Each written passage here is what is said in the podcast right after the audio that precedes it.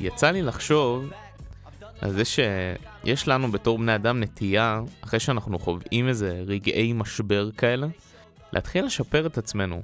אתם מכירים את זה שמישהו עובר איזה פרידה, עובר איזה משבר בחיים שלו, מישהו נפטר, אה, איבד את העבודה, משהו משמעותי קרה, בדרך כלל עם קונוטציה קצת פחות חיובית. אתה רואה את הבן אדם פתאום מתחיל להתאמן, פתאום מתחיל לדאוג לעצמו, כאילו הגלגלים התחילו לזוז. בדרך כלל ככה אנחנו מוצאים מוטיבציה, אנחנו מחכים לאיזה אה, גורם רגשי חיצוני בדרך כלל, שהוא נותן לנו את הקיקסטארט הראשוני. והתחלתי לחשוב על עם זאת שיש לנו את הנטייה לשפר את עצמנו אחרי שאנחנו חווים איזה מין טלטלה כזאתי, אה, אפשר לחשוב אולי שאנחנו באמת רוצים לפתוח איזה דף חדש ונקי ולהתחיל להשתפר. אבל מצד שני, יכול להיות שכל מה שאנחנו מנסים לעשות זה להעסיק את עצמנו ולהימנע מלחשוב ולהתמודד באמת עם מה שעובר עלינו. אתם מכירים את זה? שאתה פשוט רוצה להעסיק את עצמך כל הזמן, כל הזמן אחרי דברים כאלה, אתה רק לא רוצה להתמקד ולחשוב, כי אתה לא רואה לאן זה הולך לקחת אותך קדימה. מה שקורה, אנחנו בעצם מוצאים איזה בריחה בשיפור והעיסוק. עכשיו, אני חושב שבמקרים האלה זה יכול ללכת לשני נתיבים. הנתיב הטוב זה שבעצם הדבר הזה נותן לנו איזה מין קיקסטארט, איזה דחיפה, ואני אפילו, אני חושב שזה קרה לי בחיים, שאני התחלתי להתאמן אחרי כל מיני טלטלות כאלה, או לקחתי על עצמי אקסטרה דברים לעשות כש, כשהרגשתי שבור, רק כדי להעסיק את עצמי, אז זה באמת נתן לי את הפוש הזה. אבל, אבל זה יכול גם ללכת לצד השני, כי אם אנחנו מנסים לברוח מהמחשבות האלה, אז גם אנחנו לא מתמודדים איתם, וזה מונע מאיתנו לצמוח, וזה מאוד בעייתי. אבל עוד דבר, שהוא אפילו אולי יותר חשוב, שאם הסיבות שלנו להעסיק את עצמנו ולשפר אותנו, היו כדי להימנע מהמחשבות האלה, וזה היה בעצם פשוט בריחה, אנחנו מוצאים בריחה בשיפור ובהתעסקות, אז כמו כל דבר, הזמן מרפא את הכל. ומתישהו הרגשות האלה יחלפו, מתישהו אתה כבר לא תחשוב עליה, מתישהו המוות של אותו הבן אדם כבר פחות יהיה לך בראש, פחות יציק לך. ואז השאלה היא, האם אחרי שהרגשות האלה שדחפו אותנו בעצם לקדם את עצמנו ייעלמו, האם אנחנו נמצא את הסיבות שלנו להמשיך הלאה ולהתקדם? כי מלא פעמים, ברגע שכבר אתה לא חושב, וזה לא מפריע לך, ואתה לא מרגיש את הצורך הזה להיות כל הזמן עסוק ורק להימנע מלחשוב, אז ברגע שאלו היו הסיבות היחידות שלך ולא מצאת סיבות חזקות יותר, זה פשוט נעלם. ואז זה מין כמו מעגליות כזאת, אתה חוזר לאותו מצב שהיית לפני זה. או אולי קצת יותר טוב, אבל אתה יוצא מהמגמת השתפרות. עוד דבר שיצא לי לחשוב עליו לאחרונה, וזה אפילו קצת מתקשר לנושא שעכשיו דיברתי עליו, זה היכולת שלנו לבלות עם עצמנו, עוד לפני שאנחנו דואגים לבלות עם אנשים אחרים. אני חושב שהיום אנחנו כל היום מוקפים בהסחות דעת. אנחנו כל הזמן רואים סרטים, אנחנו שומעים מוזיקה כל הזמן, כל היום באינסטגרם וברשתות החברתיות.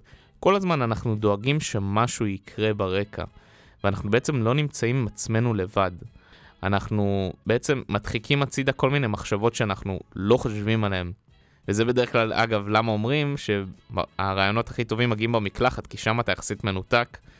וחשבתי על למה אנחנו באמת חייבים ללמוד להיות עם עצמנו לבד. אני בעצמי הגעתי להמון תובנות. שמתי לב שנניח לאחרונה, היה לי בעיה בפרספקטיבה עם האנשים שמקיפים אותי. כל הזמן חיפשתי אהבה חיצונית. ואז אני יושב, ואני מנסה לנתח את זה. למה? למה אני מחפש כל כך אהבה חיצונית? מה, זה כי אני לא אוהב את עצמי מספיק? או אולי אני לא מרגיש שיש לי מספיק אהבה חיצונית? ואולי יש לי מלא אהבה מהעולם החיצוני ומאנשים אחרים, אבל אני פשוט לא, מס... לא שבע, אני לא מסתכל על כוס, חצי כוס המלאה, ואני חושב שמקור הבעיה, לפחות אצלי, הוא שם, שאנחנו הרבה פעמים מפספסים את כל האנשים שאוהבים אותנו, וכמה אהבה כן יש לנו, ואנחנו כל הזמן מחפשים את זה באנשים אחרים.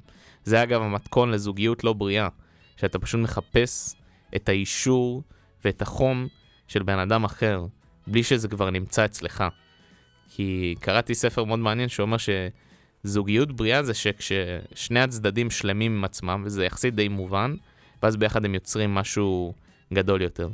וזה בדרך כלל מתהפך כשאחד הצדדים ממש צריך את האהבה החיצונית הזאתי, כי הוא לא אוהב את עצמו, או שהוא לא הקיף את עצמו מספיק, באנשים ובסביבה שהיא תומכת ואוהבת. ואז אה, אחד הצדדים הוא בעצם תלותי. ואם שניהם תלותים זה נוראי בכלל. וזה נושא שממש חשבתי עליו. ותנסו אולי לחשוב בעצמכם איך אתם יכולים להיות אולי יותר לבד בעצם. זה מין אתגר כזה. זה גם לא נשמע כזה כיף ומפתה להיות לבד בלי לעשות כלום, בלי מוזיקה, בלי טלפון. אבל אני מבטיח לכם, אני מבטיח לכם שיהיה לכם תובנות נהדרות לגבי עצמכם, לגבי הרגשות שלכם. אתם תכירו איך אתם מתמודדים עם רגשות ואת המצב הזה, שהרבה פעמים פשוט נדחק הצידה, כי, כי אנחנו פשוט עסוקים בדברים אחרים. זה אפילו לא, לא חייב להיות בכוונה, או שזה כבר נהיה תמוה אצלנו. והפרק אני רוצה לאתגר לכם את החשיבה עם הנושא הבא. לפעמים מגיעות לנו כל מיני הזדמנויות מסוימות. ומה שקורה זה שאנחנו לוקחים את ההזדמנות ואנחנו נהיים מושקעים בה, invested. או לדוגמה עבודה, נניח אתה עובד שנים, אתה כבר מושקע בתחום, ומה עכשיו אני אעזוב? בזבזתי את כל הזמן הזה. ולכן קורה שאנחנו, גם כי אנחנו מובכים להודות שהשקענו זמן במשהו שלא באמת הכי הכי רצינו, או גיליתם שזה פשוט לא מה שהכי רציתם, או שאתה פשוט מפחד ממה יקרה בלי זה. אגב, זה נכון כשאתה מאבד איזו הזדמנות שלא כזה רצית, אבל אתה כבר מושקע בה, זה הרבה יותר כואב לך. ואני מאתגר אתכם לחשוב אולי איזה דברים בחיים שלכם אתם מושקעים בהם, ואתם לא משחררים, ואתם חושבים שאולי עדיף לשחרר. וזה התובנות שלי לשבוע. תודה רבה שהאזנתם, וידועים של מוח מסוכן, פרק 13, כאן המנחה שלכם נמרוד גטניו.